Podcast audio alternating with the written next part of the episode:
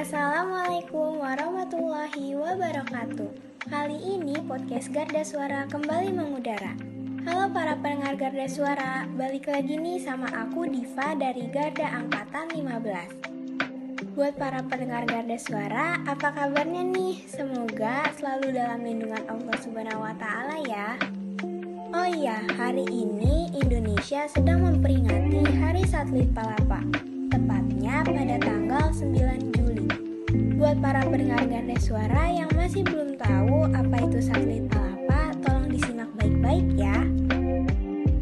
Jadi, satelit Palapa itu adalah momentum bersejarah peluncuran satelit pelopor telekomunikasi Indonesia pada tahun 1976. Satelit Palapa berperan penting dalam melancarkan komunikasi di seluruh wilayah Indonesia.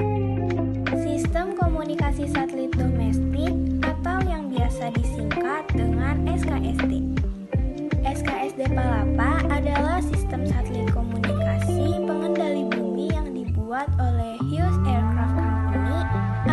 biasa disingkat dengan HAC.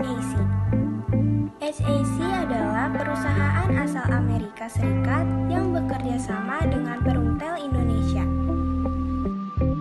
Satelit Palapa mulai dibangun pada tahun 1974 dan selesai pada tahun 1976.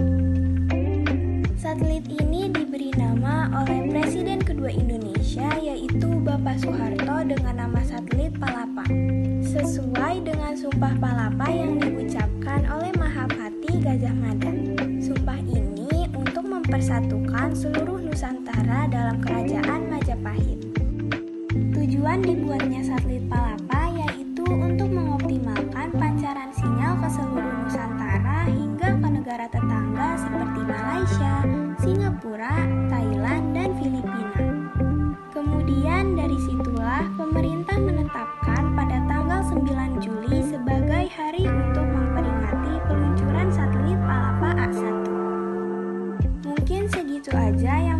jelasin ke para pendengar Garda Suara. Terima kasih sudah mendengarkan podcast kali ini ya.